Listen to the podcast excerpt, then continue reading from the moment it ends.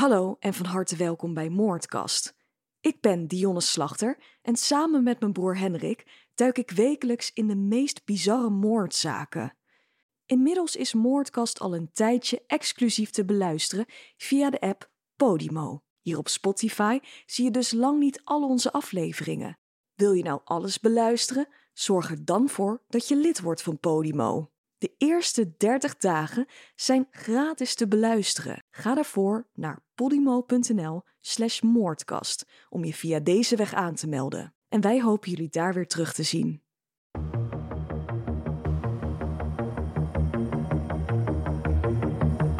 Welkom bij deze nieuwe Moordkast. De podcast waarbij ik je meeneem in verschillende mysterieuze moordzaken. Ik ben Dionne Slachter en samen met mijn broer Hendrik als sidekick duiken we in de waargebeurde misdaad. Vandaag gaan we het hebben over de zaak Pandy. Deze moordlustige dominee liet zes van zijn gezinsleden letterlijk verdwijnen. De zesde aflevering, jongens.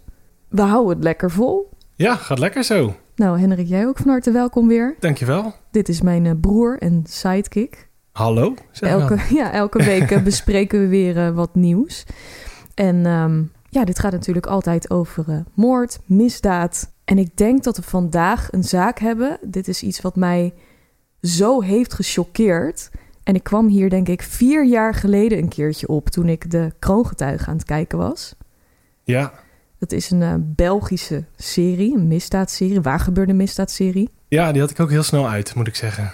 Ik denk dat dit een van de fijnste, eh, best uitgelegde series is... die ik qua true crime ooit heb gezien. Ja, ja, en allemaal over Belgische zaken. Ja, En dat vond ik wel heel erg interessant. daar heeft trouwens echt een partij ellende plaatsgevonden. Ja, ja dat, dat kun je wel zeggen, ja. Ik, eh, ik, ik vind België echt... eh, nou, daar zijn echt eh, behoorlijk sinistere dingen gebeurd. Ja, maar al, al heb je het over sinister, of, of hoe je het ook zegt... dan zitten we vandaag zeker goed. Zoals de aankondiging van de, van de bekentenis in de zaak. Ik, ik ga je iets vertellen wat je nog nooit hebt gehoord. En het aantal moorden ook, wat hier is gepleegd. Want het gaat over zes gezinsleden die eh, zijn verdwenen en vermoord door eh, meneer Andras Pandy. Het is Dit- dit- bizar. Dit, gaat je, dit gaat je verbeelding te boven. Ja, het komt echt rechtstreeks uit een eh, horrorfilm. Ja, en de man waar het over gaat, dat is Andras Pandy. Ik ga natuurlijk straks beginnen met het verhaal. Maar ik zou zeggen, zoek eventjes op hoe deze man eruit ziet. Het- soms heb je van die mensen waar je het echt niet van verwacht. Maar het lijkt wel alsof het van zijn gezicht af te lezen is. Dit eh, speelt zich trouwens allemaal af in de jaren tachtig. Ik ga maar gewoon beginnen met het verhaal. Let's go. Dan eh, weten jullie waar we het over hebben. Andras Pandy wordt geboren op 1 juni 1927 in het Hongaarse Chap. Over zijn verleden is niemand zeker. Hij heeft daar eigenlijk altijd heel erg geheimzinnig over gedaan. Er wordt zelfs gedacht dat hij de identiteit van een eerder overleden broer van hem zou hebben overgenomen en Hongarije was ontvlucht. Hij werkte in ieder geval in Hongarije bij een kerk toen hij 30 was in 1957. Dit was ook het moment dat hij zijn eerste vrouw ontmoette, genaamd Ilona Sores.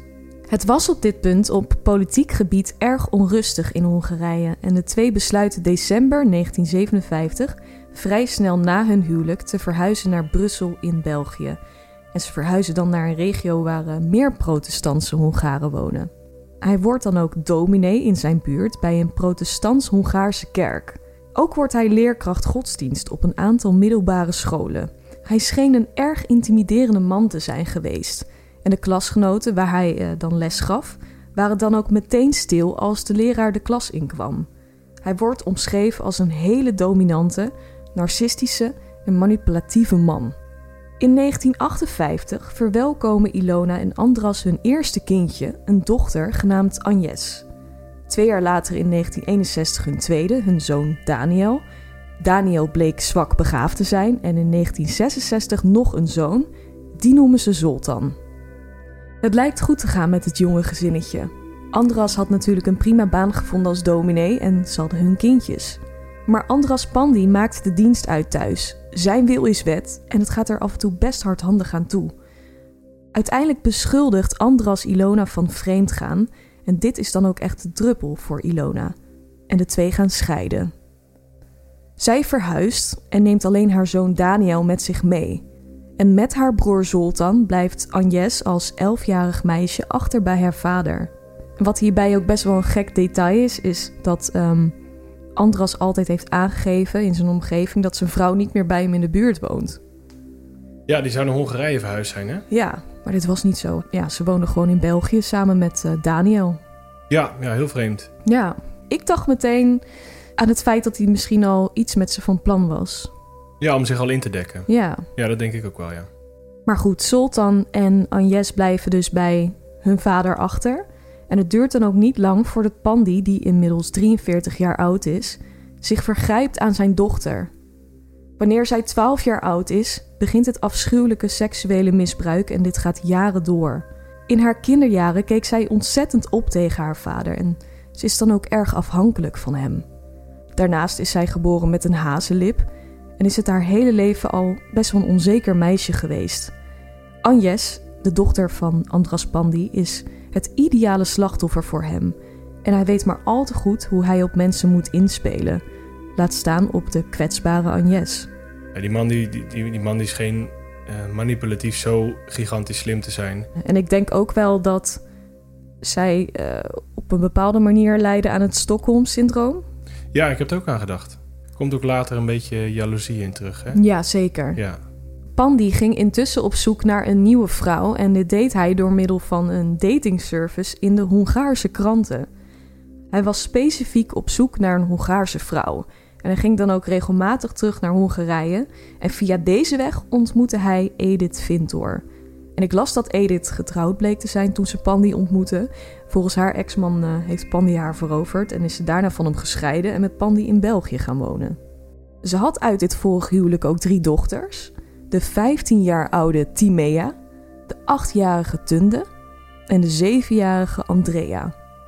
Andras en Edith trouwen in 1979 met elkaar en Andras Pandi adopteert alle drie haar dochters. In 1980 krijgen ze nog een zoontje genaamd Andras Junior en in 1981 een dochter Reka. Dit zijn dan de jongste kinderen van Andras Pandi. Andras werd door de community gerespecteerd. Hij was immers dominee, had een goede reputatie en niemand had verwacht wat er tussen zijn vier muren echt zou afspelen. Andras domineerde namelijk het hele gezin. Hij droeg iedereen van alles op om te doen en bepaalde letterlijk alles. Zijn wil is wet en niemand durfde hem hierin tegen te spreken, want dan was het huis te klein. De sfeer was altijd gespannen. Inmiddels misbruikt hij niet alleen zijn eigen dochter Agnes, maar ook de oudste dochter van Edith, Timea. Ze raakt vervolgens in 1984 op 20-jarige leeftijd ongewenst zwanger van haar eigen adoptievader. En de moeder van Timea heeft geen idee wie de vader is. Daar doet Timea ook geen uitspraken over, maar ze vindt het wel vreemd uh, omdat Timea namelijk geen partner had. Ja, dat kan je toch niet voorstellen? Op dit punt woont Andras Pandi met zeven van de acht kinderen samen. Met iedereen behalve Daniel, die met zijn ex-vrouw nog steeds in België woont.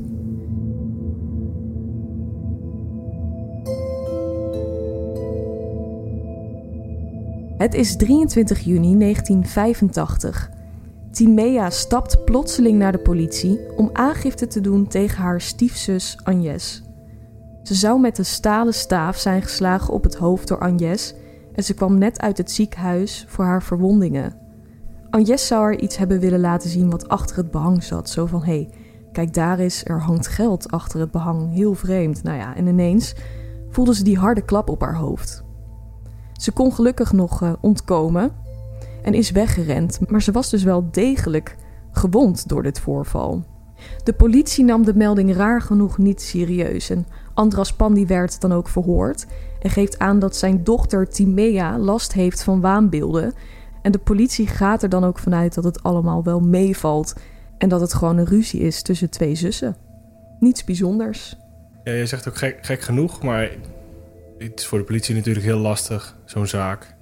Um... Ja, ook als iemand gewoon echt hard op het hoofd is geslagen met verwondingen, dan, dan ja, is het toch wel noodzaak om daar iets mee te doen. Ja, ja ik snap dat, uh, dat je zo denkt. Alleen als je een beetje in de, in de schoenen van de politie staat, het is woord, woord tegen woord. Mhm. En volgens mij heb je en Agnes en Andras, die allebei zeggen... en die Andras is een gerespecteerde dominee... Ja, ja, ja. Het is eigenlijk twee tegen één. weegt, dan- weegt ja. iets zwaarder dan, een, dan misschien een, een twintiger, zeg maar. Marc Dutroux is ook nog niet geweest. Nee, het mij. waren inderdaad andere tijden. Er werd gewoon wat minder ehm, aandacht besteed Ja, aan eh, dit soort dingen. ja, een beetje een zussenruzie. Ja, ik, ik, snap, ik snap dat ze dat een beetje zo gezien hebben.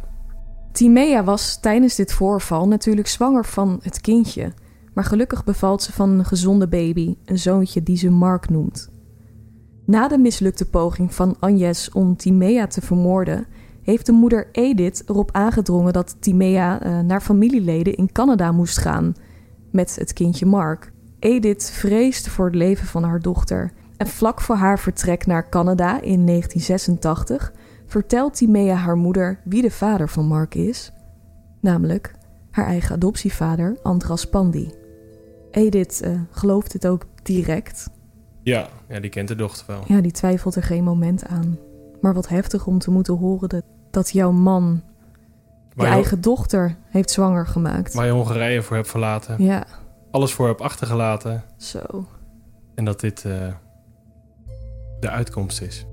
Nou, en Edith confronteert Andras hiermee en de twee maken uiteraard ontzettende ruzie. De gemoederen lopen hoog op en Edith is van plan om samen met Andrea te vluchten. Het is eind juli 1986. Andras Pandi bevindt zich in de kelder samen met zijn vrouw Edith, terwijl de inmiddels 14-jarige Andrea en Agnes boven zitten. Hij slaat zijn eigen vrouw met een hamer dood en roept Agnes naar beneden waarop hij naar boven loopt met de hamer en daar ook Andrea doodslaat. De reden zou zijn dat hij boos was dat het team Mea gelukt was om met zijn eigen zoon naar Canada te verhuizen. Hier was zijn vrouw Edith natuurlijk de oorzaak van en hij was hier woedend over. Hij voelde zich enorm verraden en natuurlijk was het seksueel misbruik misschien ook aan het licht gekomen. Ja, nou, hij voelde zich misschien betrapt. Ja, Ehm, en, en ja, hij denkt natuurlijk, als, als dit allemaal uitkomt... dat ook ja. Hij was woedend inderdaad, want het, dat kind was zijn bezit. En dat haal je niet weg bij hem zonder dat hij daar zijn akkoord over geeft of wat dan ook. Nee, nee, dit is allemaal niet eh, met zijn toestemming gegaan, inderdaad. Nee. Ja. ja, alles wat van hem is, moet bij hem blijven. Ja, echt een tiran daar, hè? Ja, echt. Verschrikkelijk. Andras had Agnes een dag voor de moorden verteld over zijn plan met Edith en Andrea. Zij wist hier dus vanaf en is Andras uiteindelijk gaan helpen met het laten verdwijnen van de lichamen. Ook dit had Andras van top tot teen uitgedacht. En ja, wat, eh, wat, wat ik jullie nu ga vertellen, dat is echt, ehm, denk ik, hetgene wat, ehm, wat deze moorden zo bizar en raar gezegd uniek maakt. Hij begon met het, eh, ja, het, het kleiner maken van de lichamen door de lichaamsdelen in stukken te zagen met een zaagmachine. En dit deed hij dus samen met zijn dochter Agnes, die hielp hem daarmee Ja, op de grond hadden ze allemaal zaagsel gelegd, hè? Om het, Ja. om het bloed eh, eh, te absorberen. te Ja. absorberen, zodat het niet op de grond kwam. Vervolgens liet hij de lichaamsdelen oplossen in een bad met zuur. En niet zomaar zuur, hij gebruikte hiervoor flessen gootsteenontstopper. Om precies te zijn van het merk Kleenex, het waren oranje flessen. En ja, gootsteenontstopper, jullie kennen het allemaal wel. Het is een vloeibare substantie die je in je gootsteen, wc of doucheputje giet. En daarmee lost dat spul hetgeen op waardoor je afvoer verstopt zit. Dus eh, vrij agressief spul. Ja, maar dat dat bot zou kunnen... Ja, bizar hè? Pandi en zijn dochter gingen langs verschillende winkels om overal wat flessen te halen, zodat het niet te veel opviel. Hij maakte ook het huisgeluid dicht met dekens en houten platen en hij zorgde ervoor dat er genoeg zaagsel ligt om inderdaad dat bloed op te vangen. Zodra alle lichaamsdelen waren opgelost, en dit duurde ongeveer een week, goten ze alles in een rioolputje in de straat. En zo lieten zij de lichamen letterlijk verdwijnen. Zonder lichaam heb je bijna nooit een zaak. Zonder lichaam geen moord. Nee. Ja. Dus dan zou je kunnen zeggen dat dit misschien wel tussen haakjes de ideale manier is. Tenzij er iemand praat. Ja, tenzij er inderdaad iemand praat. Vanaf dit punt krijgt Agnes de moederrol in het huis. Ze neemt alle huishoudelijke taken over. Ook vervulde ze deze rol richting Andras Pandi als zijn partner. Uh, ze zaten op een gegeven moment ook echt in een soort relatie. Het zat heel diep. Ze was echt een soort slaaf van haar vader. En hij stond ook echt op een voetstuk voor haar en zou alles voor hem doen. Ja, en nu dat zegt, denk ik ineens van... zou zij niet Timea aangevallen hebben... omdat Timea zwanger was van Pandi? Ja. Zou ze daar jaloers op zijn geweest? In een of andere zieke, ja, dat, dat, zieke manier. Dat wordt wel beweerd. Maar zij beweert dat het op een andere manier is gegaan. En daar ga ik jullie later meer over vertellen. Pandi woont nu nog met vijf van de acht kinderen in één huis. Agnes, Sultan, Tunde en zijn twee jongste kids. Daniel woont nog steeds bij zijn moeder Ilona in België. maar even, die, die, die kinderen die wonen dus eigenlijk gewoon samen met de moordenaars van hun moeder. Ja, maar ze hebben geen idee. Hij heeft hun gewoon wijsgemaakt dat, uh, dat hun moeder is vertrokken naar uh, Hongarije. Ja, zonder even wat te zeggen natuurlijk. Ja, maar ja, wat doe je als kind? Je kan nergens heen. Nee, nee, ja, maar goed. Ik denk ook dat je dat gelooft. Ja, nou zeker. Met zo'n man als, uh, als Pandi, daar ga je ook niet tegenin. Nee, nee je, je moet het wel. Je moet het ermee doen, denk ik, wat hij zegt. Ja. ja. Op 8 oktober 1986, drie maanden na de moorden, doet Andras aangifte van de verdwijning van Edith en Andrea. Hij geeft aan dat hij ze sinds juli niet heeft gezien en politie vraagt zich af waarom hij pas maanden later in oktober pas aangifte doet. Hij geeft aan dat zijn vrouw bij hem weg was gegaan en nog een kaart heeft gestuurd vanuit Duitsland en dat hij ja, zich eigenlijk niet zo'n zorgen maakte. Ze kon volgens hem nooit wennen aan het leven in België, maar dat er niet per se iets aan hun relatie zou mankeren. De politie laat het er dan ook bij, want hij heeft dan ook echt die aanzichtkaart meegenomen. Dat ze ook aangeeft, hé, hey, ik zit in Duitsland, uh, de groetjes. Ja, ja. Echt, uh, echt veel bewijs vind ik dat ook weer niet. Deze twee moorden zijn helaas nog maar het begin. Twee jaar later slaat Pandi weer toe en dit keer niet alleen. Daniel, de zoon uit het eerste huwelijk van Pandi, had Pandi bij zijn voornaam genoemd en dat was uit Den Boze. Hiermee had hij uh, Pandi zo beledigd dat uh, Pandi besloot dat ook Daniel moest worden vermoord. Dit keer helpt uh, zijn dochter Agnes niet alleen mee met het wegwerken van de lichamen, maar ook met het moorden zelf. Ja, Daniel zou het vijfde gebod overtreden hebben thuis. Wat is het? Is het vijfde gebod iets wat in de Bijbel stond? Of is dat gewoon een huisregel? Nou ja, blijkbaar heeft hij dus gewoon een soort van geboden voor, voor, wow. voor thuis opgesteld. Als, als Andras de, de god. Of... Ja, zo zag hij zich wel een beetje. Zo zag hij zich wel, ja. Het is 20 maart 1988. Agnes maakt ontbijt voor Daniel klaar in de kelder. Ze hebben daar een extra keuken. En ze gaat schuin achter haar broertje staan. Ja, dat is een beetje gek, hè? Een, uh, een keuken in je kelder. Ja. Maar het schijnt daar uh, bij heel veel huisjes uh, gewoon voor te komen. In België is dat ja. normaal? Ja, ja, blijkbaar. Wat ik, wat ik heb gehoord, ja, het is, het is niet, niet ongewoon. In ieder geval gaat Agnes schuin achter haar broertje staan, pakt een pistool uit haar zak die ze daar had verstopt en schiet hem zonder te kijken één keer door de achterkant van het hoofd. Zonder achterom te kijken loopt ze de ruimte uit, niet wetende hoe haar broertje eraan toe was. Haar vader heeft ze achteraf nog wel naar beneden zien gaan en heeft hem nog een paar keer horen schieten met een geweer. Vier of vijf keer heeft hij gewoon nog met zijn jachtgeweer geschoten. Hè? Ja, ja, ze weet niet precies uh, hoe dat er verder aan toe is gegaan daar. Ze wist ook niet of haar broertje nog leefde op dit moment. Maar we hebben het hier over haar jongere broertje, die na het, haar is geboren. Je zou het ook bijna vergeten. En dat zij dit ook met voorbedachte raden doet. Niet, Ja. ik ben even boos. Of, ehm, Nee, gewoon omdat het moet van haar vader. terwijl ze ook ontbijt voor hem staat te maken, weet ze dat dit zijn laatste Maal maaltijd is. Ja. En het feit dat die vader nog vier, vijf keer schiet. Ja, hij heeft waarschijnlijk nog geleefd. Ja, gadver. Ja. Ilona, de biologische moeder van Agnes en ook natuurlijk de moeder van Daniel, werd hierna naar het huis van Pandi gelokt. Agnes had haar moeder verteld dat Daniel in de kelder onwel was geworden en ze meteen langs moest komen. Onderweg naar de kelder, Agnes stond bovenaan de trap, haar moeder liep voor haar uit naar beneden richting de kelder, met de rug naar Agnes toe. Agnes schoot haar eigen moeder door de achterkant van het hoofd.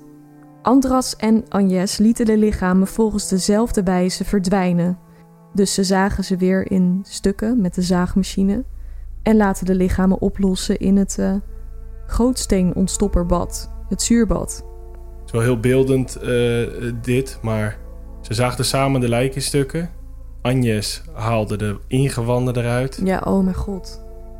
Ja, moet doorgaan. Van je eigen moeder, hè? Ja, en broertje. Haar biologische moeder en broertje. Ja, maar dit lijkt ook een hele slecht bedachte film. Dit, dit, ja, hoe, hoe, noem je dat? Ja, dit lijkt gewoon een hele gory horrorfilm. Ja, maar dit gaat, dit gaat je hele verbeelding... Dit, zover kom je niet. Nee. Tenminste, ik kom niet zo ver. Nee, nee, nee. Ik, ik, jeetje. Gelukkig niet.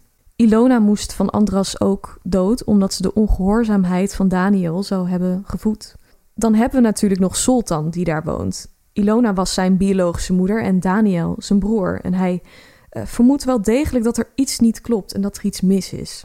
Ja, die begint vragen te stellen. En daar is Panny niet van gediend. Om deze reden moet ook hij uh, de weg vrijmaken, om het zo maar te zeggen. Als het al een reden is om, om, om je eigen zoon te vermoorden, omdat hij je bij de voornaam noemt. Nou, volgens mij uh, ben je dan gewoon op zoek naar redenen. Ja, nou, laat staan als je dan vragen gaat stellen over waar, waar iemand is die Ja. je vermoord hebt. Hoe- Hij was eh, te moeilijk aan het doen in ieder geval, volgens Pandy. Ja, Zoltan wordt ook vermoord in de kelder. Het lichaam wordt op dezelfde manier weggewerkt. En aan de buitenwereld vertelt Pandy dat Ilona, Daniel en Zoltan allemaal zijn teruggegaan naar Hongarije. Ja, en hij had natuurlijk de mensen al verteld dat Ilona en Daniel gewoon in Hongarije woonden. Terwijl dat in eerste instantie niet zo was. En Zoltan zou ze achterna gegaan zijn. Het is inmiddels 1990, een jaar na de moord op Sultan. Toende krijgt in het geheim een vriendje en het gezin van Pandy leefde altijd best wel geïsoleerd en hadden weinig contact met de buitenwereld. Vrienden en vriendinnen van de kinderen kwamen dan ook nooit het huis daar binnen. Tunde had op een gegeven moment dus die relatie en haar vader mocht hier absoluut niets van afweten.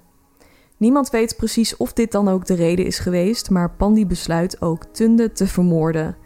Agnes wordt dit keer niet gevraagd om mee te helpen met de moord en wordt dan ook drie dagen weggestuurd samen met de twee jongste kinderen op een mini-vakantie. Pandy vertelt dit keer ook niet over de plannen met Tunde. Als Agnes na drie dagen thuiskomt, is Tunde verdwenen. Pandy zegt dat ze naar een pleeggezin is gestuurd omdat ze te ongehoorzaam was. Agnes wist natuurlijk donders goed hoe laat het was. het was ook Agnes die dat vriendje eh, he- heeft Ja. ingelicht. Hè? Van joh, Ja, die heeft hem gebeld. het is naar Hongarije. Ook vertelde ze erbij dat Tunde zou hebben aangegeven dat ze de relatie toch niet serieus nam en dat het voor haar voorbij was. Heel zielig. Ja, was ook heel zielig, want eh, eh, dat wist Agnes natuurlijk niet. Maar ja, die jongen die had samen met Tunda afgesproken om naar Hongarije te gaan. Ja, dat klopt. Dus hij had zoiets van, huh, maar nu is ze alleen. Ja, is mij vergeten. Ja, en hij mocht dan ook vooral geen contact met haar opzoeken. Agnes gaat hierna alleen wonen en Andras Pandy blijft achter met zijn twee laatste jongste kinderen. 19 februari 1992 stapt Agnes dan toch ineens naar de politie. Ze geeft aan dat ze vanaf haar dertiende al seksueel misbruikt wordt door haar vader. Het misbruik met zijn oudste dochter Agnes ging door totdat ze maar liefst 30 jaar oud is. Maar uiteindelijk krijgt ze dus een relatie met een andere man. En dit is dus het punt dat Andras Pandy zich vergrijpt aan zijn jongste dochter. Ze wilde deze aangifte doen omdat ze naar eigen zeggen haar jongste zusje wilde beschermen. Pandy wordt verhoord en ontkent de aantijgingen. Er was in die tijd gewoon minder aandacht voor zedendelicten en Pandy komt gewoon weer op vrije voeten terecht. De jongste dochter van Pandy wordt wel in een pleeggezin geplaatst. Dus het doel van Agnes is wel degelijk geslaagd. Ja, dat wou ik net zeggen. Sinds dat Agnes deze aangifte bij de politie deed tegen haar vader, hebben Agnes en haar vader nooit meer contact met elkaar gehad. In 1997, na de zaak Dutroux, komt er aandacht voor de zaak en is er een rechercheur die wil uitzoeken wat er met de vermiste gezinsleden is gebeurd. Er zijn op dat punt maar eigenlijk drie mensen die je kon verhoren: Agnes, Andras en het jongste zoontje Andras junior, die ten tijde van de feiten maar zes jaar oud was. Hij zou natuurlijk niks meer hebben geweten van die periode.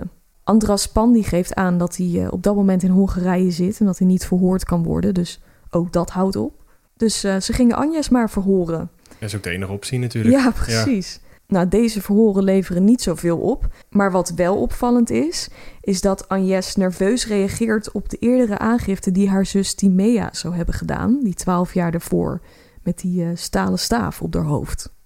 De regisseurs merken dat ze het hier duidelijk niet over wil hebben en heeft de neiging hier overheen te praten. Alsnog wordt de jongste zoon van Pandi verhoord en hij is op dit punt 16 à 17 jaar oud en ten tijde van de verdwijning, zoals ik net al zei, 6. En wat blijkt? Andras Pandi heeft de jongen zelf naar het politiebureau gebracht. Ja, dat is wel attent dat je helemaal vanuit Hongarije naar België komt rijden om je zoon naar het politiebureau te brengen. Het is niet heel slim. Nee. Als je onder de radar wil blijven. Aan de andere kant, die man wil zoveel controle houden. Ja, dat is waar. Ehm, kijk, natuurlijk is, hij niet uit, natuurlijk is hij niet uit Hongarije gekomen. Maar hij wil zoveel controle houden dat hij die jongen gewoon onderweg zo heeft ingeprent wat hij wel en niet mag zeggen. Ja, maar die jongen geeft zelf toe, ik ben door mijn vader afgezet. Ja, Heel dat, nonchalant, hè? dat is hij misschien vergeten te zeggen. dat hij dat dus niet mocht zeggen. Ja, het plan is een beetje mislukt. Maar die man was oud, hè, al. Ja, hij was flink oud. Was een oude knar. Volgens mij was hij daar in de zeventig. De politie onderneemt meteen actie en zijn woning wordt doorzocht. Er werd meteen een huiszoekingsbevel geregeld en ze staan daar voor de deur. En Andras die, eh, doet zelf de deur open en geeft zelfs toestemming het huis helemaal te doorzoeken. Hij heeft er helemaal geen problemen mee. Ze, ze hebben een bevel, hè. Ja, ook al had hij wel een probleem ermee. Ze kwamen toch wel binnen. Dan heeft hij mooi pech. Maar hij, hij had meer zoiets van, joh, kom binnen. Jullie vinden toch niks. Ja, Beetje die air. die ja, arrogantie. ja, die air, wilde ik zeggen. Heel Maar dat- ja. typerend. In de kelder vindt de politie vervolgens een aantal plastic zakken met haren erin. Pandi was zelf bij deze huiszoeking aanwezig. Hij stond naast de politie toen ze dit vonden. En hij had hier alweer een verklaring voor, namelijk dat zijn vrouw en dochters dit altijd mee terug van de kapper namen. Want ze maakten hier kussens van als ze genoeg hadden. Het is wel heel erg tekenend voor, ehm, ja, voor, voor, voor die man. Die heeft het bloed onder de nagels van, de, van iedereen gehaald. Van, Ja, ehm, in zaken het onderzoek. Heeft alles tegengehouden. Als je hem iets vroeg, had hij een antwoord hij klaar. had altijd een antwoord klaar. Of dat nou totaal ongeloofwaardig was. Zoals, ja, dat interesseerde hem niet. zoals dit verhaal. Nee, ja, ik zeg het, het je. was zelfs een beetje plagig en pesterig, hè? Zo van, eh, Ja, ja alsof, hij- alsof hij echt hoog verheven was boven... Ja. Jullie kunnen me toch niks maken. Dat was echt zijn eh, uitstraling. ja. Andras Pandi wordt op 16 oktober 1997 voor de eerste keer officieel voor de verdwijningen verhoord. Hij ontkent dat hij ook maar iets met de verdwijningen te maken heeft en de politie is bang dat ze hem best wel weer snel vrij moeten laten. Pandi had meerdere woningen, maar liefst drie, en dit allemaal in dezelfde wijk, op loopafstand van elkaar. In al deze woningen zijn ze begonnen met opgravingen in de hoop om sporen te vinden, zodat ze hem langer vast konden houden. De rechercheurs geven aan dat deze huizen ook eh, ja, echt verschrikkelijk sinister aanvoelden. De sfeer en de inrichting was nogal donker. Het voelde onheilspellend. Het zag er gewoon niet al te best uit allemaal. De beste uitleg krijg je door de beelden te zien. Ja, het is echt een, een rotzooi. Hij heeft er een soort fort van gemaakt of zo. Als- Alsof hij het moet... Ja, je hield enorm van bouwen. Alsof, ja, ja maar, wel- maar wel bouwen met een reden. Want ja, hij... hij had in twee huizen dus allemaal tussenschotten, tussenvloeren gemaakt. gangetjes, om, Gangetjes. om heel snel van de ene kant van andere- het huis naar de andere kant van het huis. Waarom zou dat zijn? Ja, als de politie aan je deur staat, je kruipt het ene gangetje en je komt aan de andere kant uit. Dat is niet gelukt. Hij deed gewoon de deur open. Ja, maar hij waande zich nu nog onaantastbaar. Het leek inderdaad bedoeld te zijn om eh, zichzelf en spullen te verstoppen, misschien bewijsmateriaal. Na een aantal uren graven vonden de gravers een linker dijbeen in de kelder en bloedvlekken op de muren en langs een trap. Pandi werd naar deze plek gebracht om te kijken wat hij te zeggen had hierover. En hij geeft meteen toe dat hij daar een been ziet liggen, van hé hey, ja, dat is inderdaad een been, maar hij heeft geen idee hoe dat daar terecht is gekomen. Zijn huis staat gewoon waarschijnlijk op een oude begraafplaats. Hij heeft nooit in die kelder iets veranderd. Dat moet iets zijn geweest wat eh, voordat hij daar introk moet zijn gebeurd. Ja, hij heeft het zo gekocht. Hè? Ja. En wat ze dus niet vertellen. Ja, het is eigenlijk niet, niet oké dat ik hier een beetje om moet lachen. Maar ze hadden twee verpakkingen van rijstwafels gevonden en er staat natuurlijk een datum op. Ja, het zou verlopen in, de 19, in 1998. En ik, ik heb daar ook een beetje om moeten lachen, omdat ik dacht van ja, Wat overal, ben je dan aan het doen? Dan ben je, eh, ja. overal zo berekenend over. En waar ik eigenlijk meer in geïnteresseerd ben, van wie is dat dijbeen? ja, van wie is dat dijbeen inderdaad? Die botresten die worden onderzocht en kunnen gek genoeg dus niet gelinkt worden aan een van de vermiste gezinsleden. En van wie die botresten zijn en hoe die daar terechtgekomen zijn, dat blijft de grote vraag. Dat is best bizar. Je wordt verdacht van de verdwijning van zes familieleden en ze vinden heel random een dijbeen van iemand anders in je kelder. Tot op de dag van vandaag weten we nog steeds niet van wie, van wie dat dijbeen is. Ik wil het zo graag weten. Deze man moet dus nog meer op zijn kerfstok hebben. Ja, want het lijkt me ook enorm onwaarschijnlijk dat dit zijn eerste moorden zijn. Ja, Het is allemaal zo gepland. Het is allemaal zo bijna professioneel uitgevoerd. En wat ik ook ehm, zo raar vind, hij heeft het huis in 1990 gekocht. Dit huis waar ze, in, waar ze dat dijbeen hebben gevonden. En zijn laatste moord, waarvan wij afweten, dat was natuurlijk Tunde in 1990.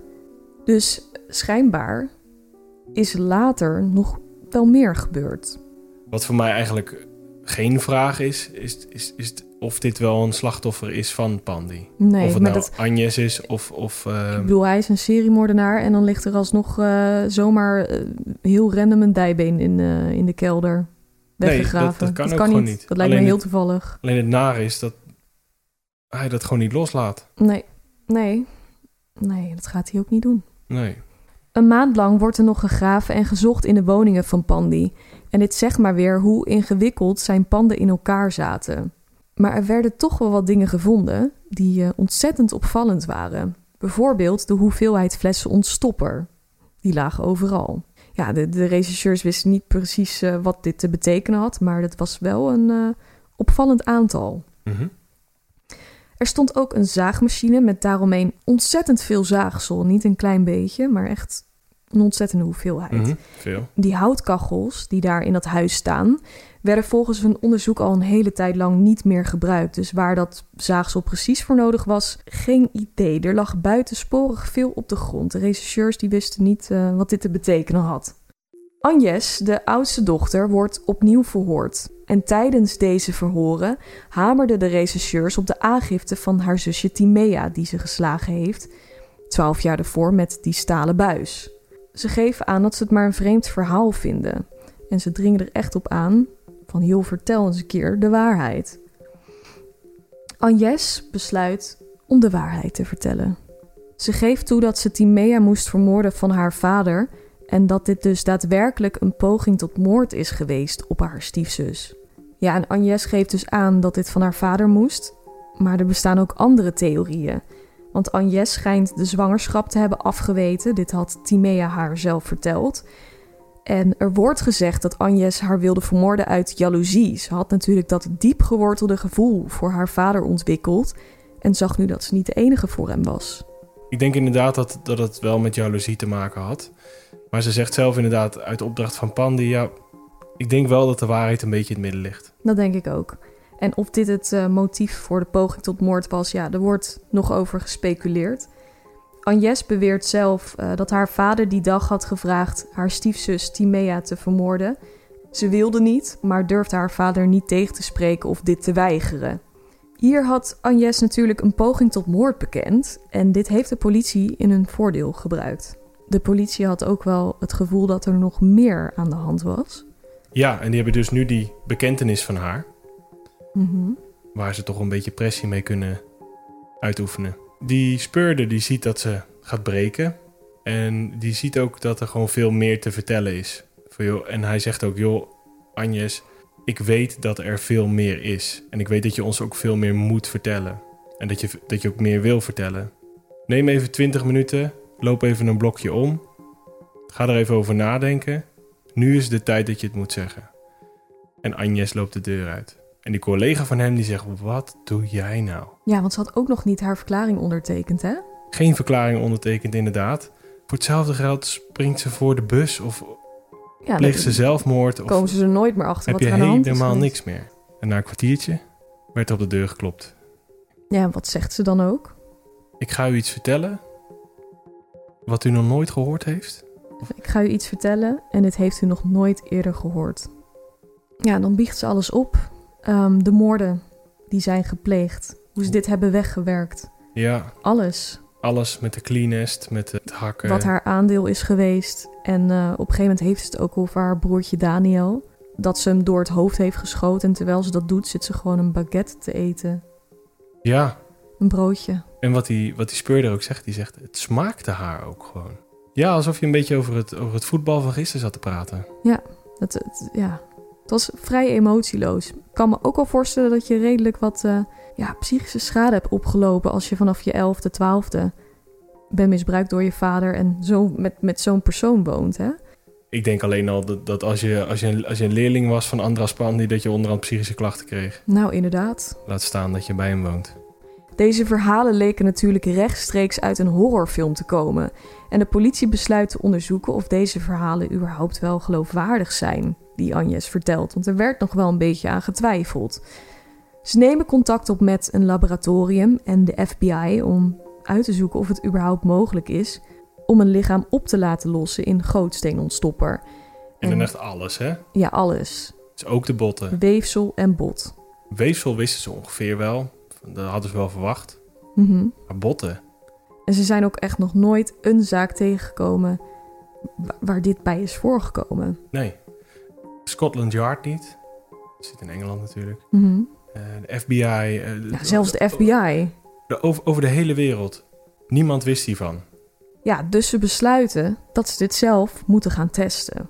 Ze onderzoeken dit als eerst met een stuk vlees en het bot van een koe. En wat blijkt, alles lost inderdaad op. Ook het bot. Maar ja, uiteindelijk was dit natuurlijk niet voldoende, omdat dat niet gelijk staat aan een geheel menselijk lichaam.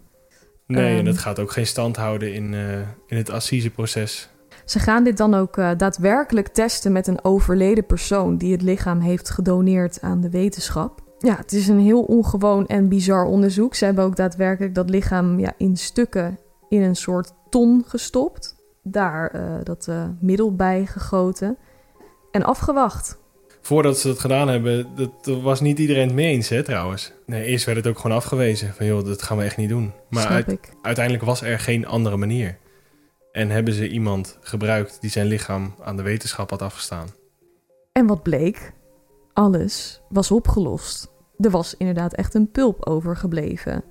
Ja, de brei, zoals eh Agnes het eh, zou noemen. Ja, over Agnes gesproken. Op een reconstructievideo zie je ook eh, ja, eh, dat ze uitlegt in het huis wat, waar en hoe alles gebeurd is. En het gaat ook echt op zo'n aparte manier.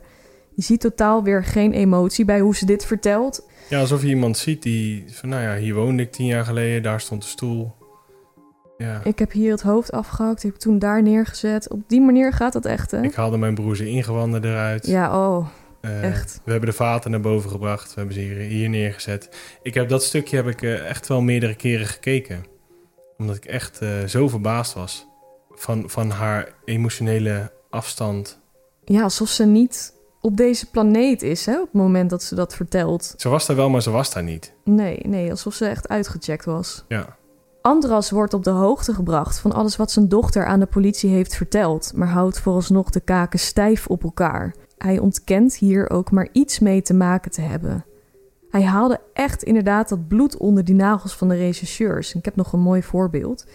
Eh, zo wordt er een DNA-onderzoek opgezet om te controleren of Mark ook echt de zoon van Andras Pandi was. Want dat was ook uit de biecht van Agnes gekomen, dat Mark eh, verwekt was door Ja, Andras Pandi. dat konden ze onderzoeken. Ja, dit bleek dan eh, voor 99,9% het geval te zijn. Ja, dan is Pandi die antwoordde dan eigenwijs dat het dus toch niet helemaal zeker was. Het kon dus ook niet van hem zijn, want het was niet voor de volle 100% bewezen. Met een aan zekerheid grenzende waarschijnlijkheid. Ah, Ja, waarschijnlijk. waarschijnlijkheid. Dus niet zeker. Nou, hij blijft kalm en geeft aan dat de onderzoekers vast een fout hebben gemaakt. Ja, omdat die professor natuurlijk ook wel een, een jonge gast was. Ja, ja En dan hoe onervaren. frustrerend moet dat zijn geweest als je tegenover zo'n man zit, hè? Ja, het is gewoon een enorme plaat voor zijn kop. Nee, maar hij ging nooit iets vertellen. Nooit. Nooit. Nee, nee. Ze vinden op een gegeven moment de dagboeken van Pandi en laten deze vertalen, want hij schreef uh, alles namelijk op in het Hongaars. En ja, in die dagboeken stond ook alles beschreven, letterlijk uh, wat hij had gegeten. Zoveel controle wilde hij hebben. Ja. Op alles, ook En op dus, zichzelf. Dus ook over zichzelf, ja. Dag in, dag uit documenteerde hij uh, wat hij had gedaan. Waar hij was, welke tijden. Ja, ze lezen daar dat de gebeurtenissen die beschreven staan uh, inderdaad te linken zijn aan wat Agnes ze eerder heeft verteld. Bijvoorbeeld dat ze ongeveer tien dagen voor de moord op Ilona en Daniel een wapen hadden gekocht. En in het dagboek stond dat Andras Pandi inderdaad inkopen had gedaan precies negen dagen daarvoor samen met Agnes. Dat hij heel veel hout is gaan snijden en dat hij uh, op 25 maart, dus vijf dagen na de moord op Daniel en zijn moeder, vervuild water heeft weggegooid. Ja, dumpen van het vuile water. Ja, ook zo'n respectloze beschrijving staat er dan in, hè? Ja, maar die, die man heeft totaal... Uh, die empathie komt dan totaal niet in zijn uh, woordenboek nee, voor, denk ik. Nee, het verbaast me ook niet. Nee. Niks verbaast me op dit moment eigenlijk nog. Nou ja, als je dit hebt gehoord, niet nee. Maar alles kwam echt tot, tot, tot in de detail overeen met de verklaring van Agnes, hè? Ja, maar er waren natuurlijk geen lijken. Dus ja, ze moesten Andras Pandi pakken via indirect bewijs. Dat wist hij ook. Dat indirecte bewijs was best wel stevig, omdat Agnes... Ja, die was zulke, gewoon een getuige. Die heeft zulke, ja. zulke gedetailleerde verklaringen afgelegd. En hij heeft zo, zo gedetailleerd zijn dagboek bijgehouden. Alles kwam zo ontzettend overeen. En toen werd hij daar ook mee geconfronteerd natuurlijk. Ja, en hij was echt heel boos erover hè, dat Ah. ze dat hadden gelezen. Want dat was echt voor hem. Die heb ik geschreven om mezelf te controleren. Niet voor de politie om mij te controleren. Daar ja, zo eigenwijs dat je ook denkt van... Ja, dus je gaat de politie op hun vingers stikken... omdat ze je dagboeken hebben gelezen. Ja, toen- Grootheidswaanzin to the max gewoon. In februari 2002 vindt de eerste hoorzitting plaats... en beide verdachten nemen daar plaats in de rechtszaal. Agnes zit zo ver mogelijk bij haar vader vandaan... en ze kijkt geen moment in zijn richting. Ze is in zichzelf gekeerd... en dat is echt het tegenovergestelde van hoe Andras Pandi zich gedraagt... Hij gedraagt zich arrogant en aanwezig, bedweterig en stelt zelfs eisen. Pandi wordt uiteindelijk veroordeeld voor een levenslange gevangenisstraf zonder kans op vervroegde vrijlating.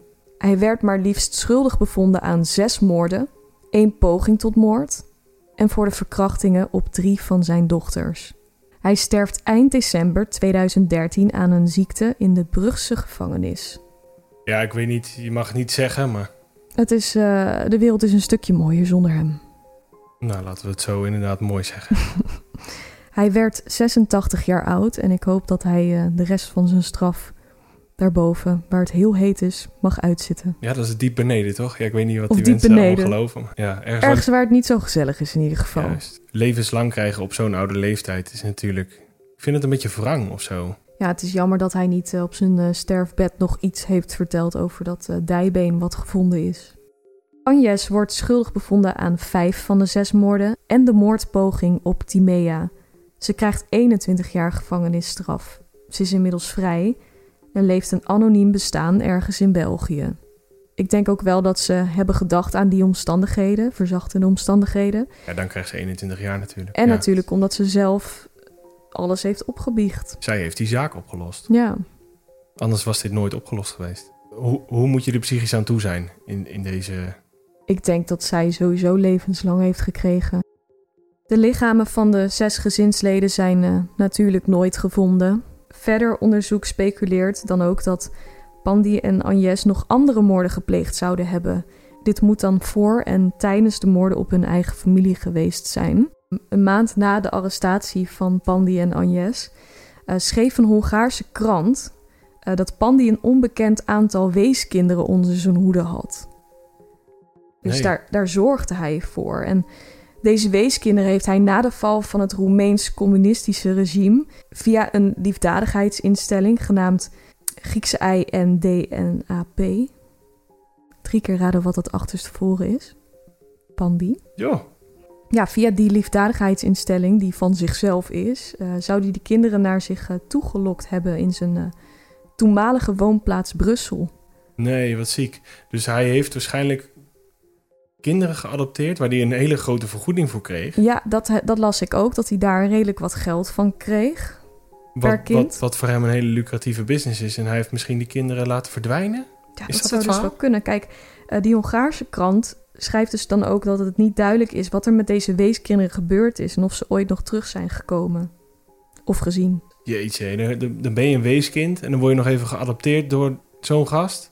Ja, die kinderen, het is dus onduidelijk of die kinderen nog ooit ergens gezien zijn. Maar ja, niemand mist ze. hè? Het zijn weeskinderen. Ja, zo Die hebben het. geen familie. Ah, dat is ook wel weer zo ziek doordacht en Zo, zo, zielig. zo rot. Ja. Die man is echt inderdaad rot van binnen. De politie verdenkt Agnes van een in 1993 verdwenen 12-jarig meisje. De moeder van dit meisje had een relatie met Pandy. Dat schijnt in ieder geval zo te zijn. De Hongaarse autoriteiten hebben de kelders van Pandy's huis in Hongarije onderzocht. Ja, het is niet duidelijk wat ze daar hebben gevonden. Hier wist ik dus niet zoveel van. Nee, ik heb eh, Ik hoorde het nu voor het eerst. Ik, ik gadverdamme. Ja, dit is wat een Hongaarse krant heeft geschreven. Het is gewoon niet duidelijk waar die kinderen zijn gebleven. Of ze ooit nog ergens terug zijn gezien. Dus waarschijnlijk, dit kan misschien een, nou ja, een- een top van de ijsberg zijn, zeg maar. Precies, ja. Deze zaak blijft mij altijd bij. Vier jaar geleden kwam ik op deze zaak. Het is er eentje die ik nooit vergeet. Ik zal zijn naam ook altijd in één keer weten te benoemen. Ja, ja, dat klopt. Want wij zaten, wij zaten tegelijkertijd... ehm, hebben wij de hele serie van De Kroongetuigen gezien. Echt een aanrader trouwens. Ehm, en voor mij waren dat ook nog andere zaken. Maar ik kan me herinneren dat bij jou deze echt, echt uitsprong. Voor mij sprong die eruit echt qua gruwelijkheid. Mhm.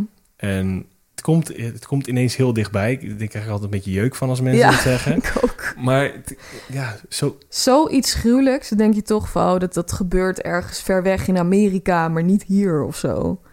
Terwijl ik denk dat dit een van de gruwelijkste eh, zaken is. Ook gezien de hoeveelheid moorden. Het zijn er dus minstens zes. En dan ook uit je eigen gezin. ja, minstens zes. Eh, maar met die mensen had hij nog wat. Ja, Maar als dat van die weeskinderen ook nog eens waar is. Plus dat ene dat hij misschien niet eens Andras Pandy is, maar zijn broer. en dat weten we ook nog niet, hè? Nou jongens, ik ben ook heel benieuwd wat jullie ervan vinden. Ik heb deze eh, zaak ook behandeld in mijn YouTube-serie Misdaad en Make-up. Die kunnen jullie kijken op mijn YouTube-kanaal genaamd Onnedy. Dus als je daaronder wilt reageren, dat eh, zou ik eh, super vinden. Ja, heb je nog suggesties voor zaken voor ons? Dan kun je het daar ook achterlaten. En jeetje, ik moet er eventjes van bij komen, merk ik. Het is... eh, Ja, ik ben blij dat jij praat. niet niks. Ja, je bent er ook helemaal stil van. Ik wil jullie heel erg bedanken voor het luisteren allemaal. Henrik ook bedankt voor het eh, zijn van mijn eh, sidekick weer vandaag. Ja, bedankt dat ik er weer mocht zijn. Ja, en volgende week vrijdag om 4 uur 's middags horen jullie aflevering nummer 7. En, en we weten al waar we het over gaan hebben. Zullen we het één keer verklappen? We gaan het hebben over de Radium Girls. Klein beetje historie. Precies. Nou, tot dan. Doei doei. Doeg.